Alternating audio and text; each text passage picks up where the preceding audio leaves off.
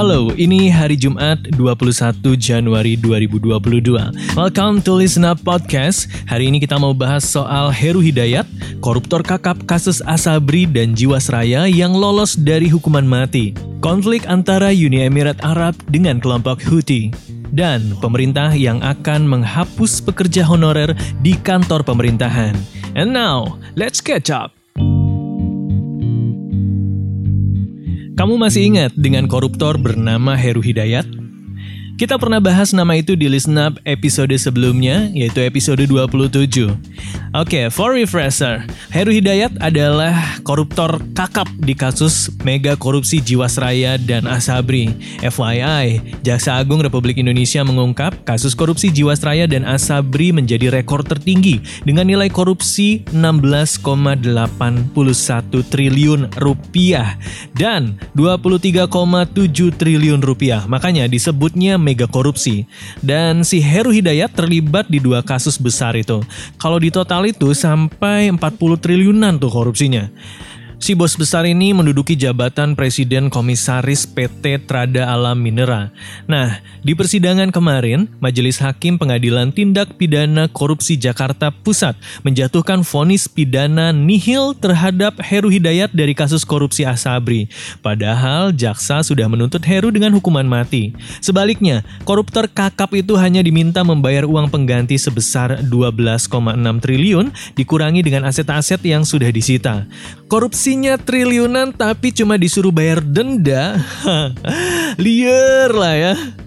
Begini nih penjelasan jaksa penuntut umum Pak Wagio S yang menuntut Heru dengan hukuman mati. Hakim menyatakan memutuskan mempidana nihil dengan pertimbangan bahwa yang terdakwa ini sudah dipidana seumur hidup di e, perkara Jiwasraya. Tentu ini berbeda dengan yang kita mintakan tuntut pada kesempatan yang lalu bahwa kita menuntut dengan pidana mati. Dengan difonis nihil, maka Heru tidak mengalami penambahan hukuman pidana dalam perkara itu. Alasan majelis hakim mempidana nihil si Heru Hidayat karena dia sudah dihukum dengan hukuman seumur hidup di kasus mega korupsi Jiwasraya yang sudah berkekuatan hukum tetap.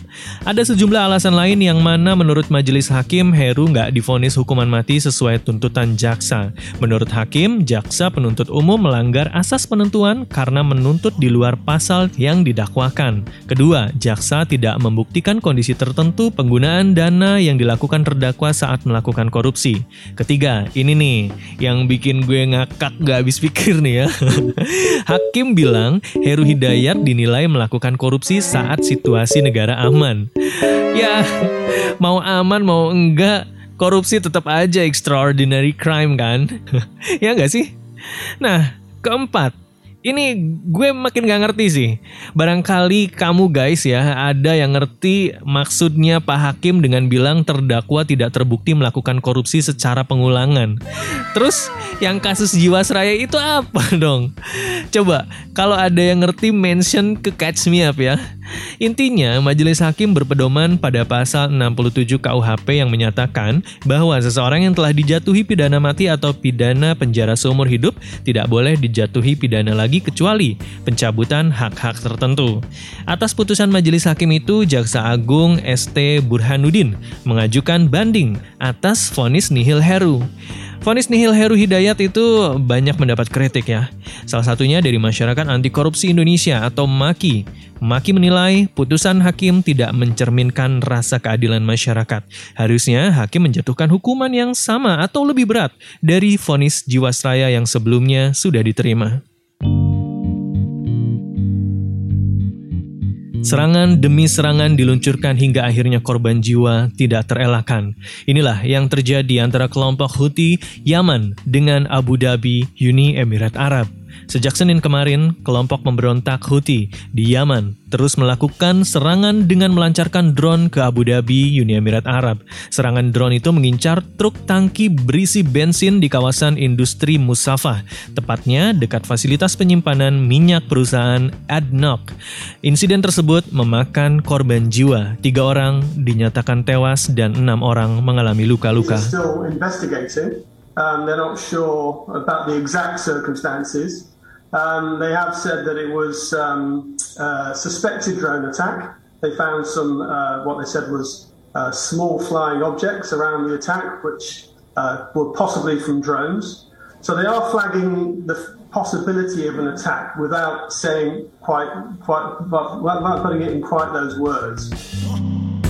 Well, itu tadi penjelasan dari Talek Haris, Gulf and Yemen Bureau Chief AFP News. Kantor berita Emirates New Agency melaporkan bahwa serangan drone tersebut menyebabkan kebakaran dan ada tiga ledakan truk tangki bahan bakar di dekat fasilitas penyimpanan perusahaan minyak nasional Abu Dhabi.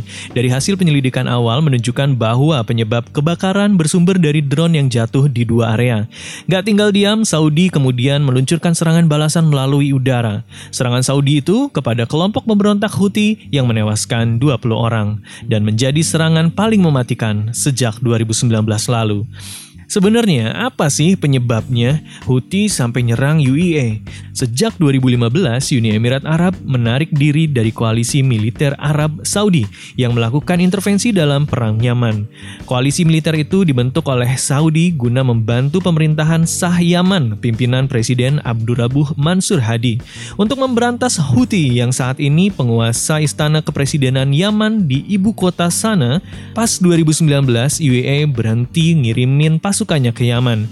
Tapi tetap mereka ngebantu dengan ngirimin logistik terhadap pasukan koalisi Saudi di Yaman. Sejak 2015 di mana Saudi melakukan intervensi, Houthi udah beberapa kali melakukan serangan. Mulai dari nembakin rudal yang jumlahnya hingga 430 rudal dan 851 drone. Tentu, Saudi ngebalas serangan Houthi dengan melakukan serangan balasan melalui udara kepada basis-basis Houthi di Yaman, terutama ibu kota sana. Perang Yaman itu bisa dibilang perang sipil berkelanjutan sejak 2014. Pemberontak Houthi yang saat itu berhaluan Muslim Syiah mengambil alih kota sana dan kota-kota besar lainnya di Yaman. Perang yang semula terjadi antara pemerintahan resmi Yaman pimpinan Presiden Mansur Hadid dan pemberontak Houthi berubah menjadi konflik regional setelah koalisi militer Saudi mengintervensi tahun 2015. Kemudian Saudi menuding Iran yang selama ini menyokong senjata pemberontak Houthi hingga akhirnya muncul anggapan bahwa perang Yaman merupakan perang proksi antara Saudi dan Iran, di mana keduanya berebutan pengaruh di wilayah Timur Tengah. Meanwhile, laporan PBB menyebutkan sekitar 377 ribu orang tewas akibat Perang Yaman hingga akhir 2021.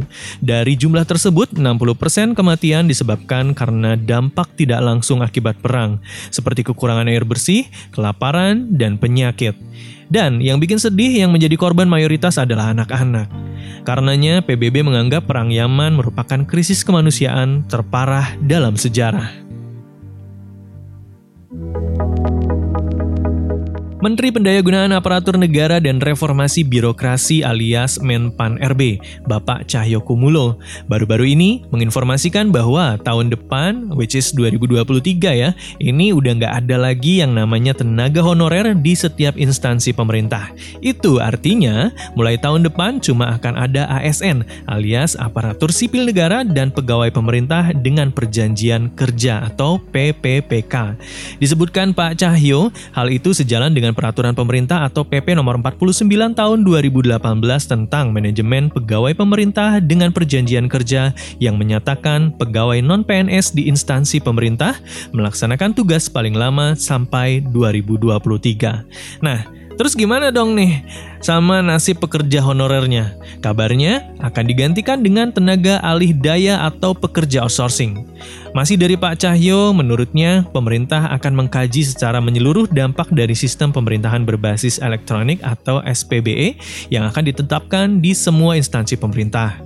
FYI, saat ini lebih dari sepertiga ASN menempati jabatan pelaksana, di mana posisi tersebut akan berkurang 30 hingga 40% persen seiring dengan transformasi digital. Karenanya pemerintah lagi ngegodok strategi alih tugas melalui upskilling dan reskilling supaya para ASN mampu melaksanakan pekerjaan yang masih dibutuhkan. Meanwhile, untuk proses rekrutmen tahun 2022 ini difokuskan pada PPPK dulu, khususnya untuk memenuhi pelayanan dasar kependidikan atau guru dan tenaga pelayanan kesehatan. Thank you for listening, listen up. See you all next week. Stay safe, stay healthy. Happy weekend.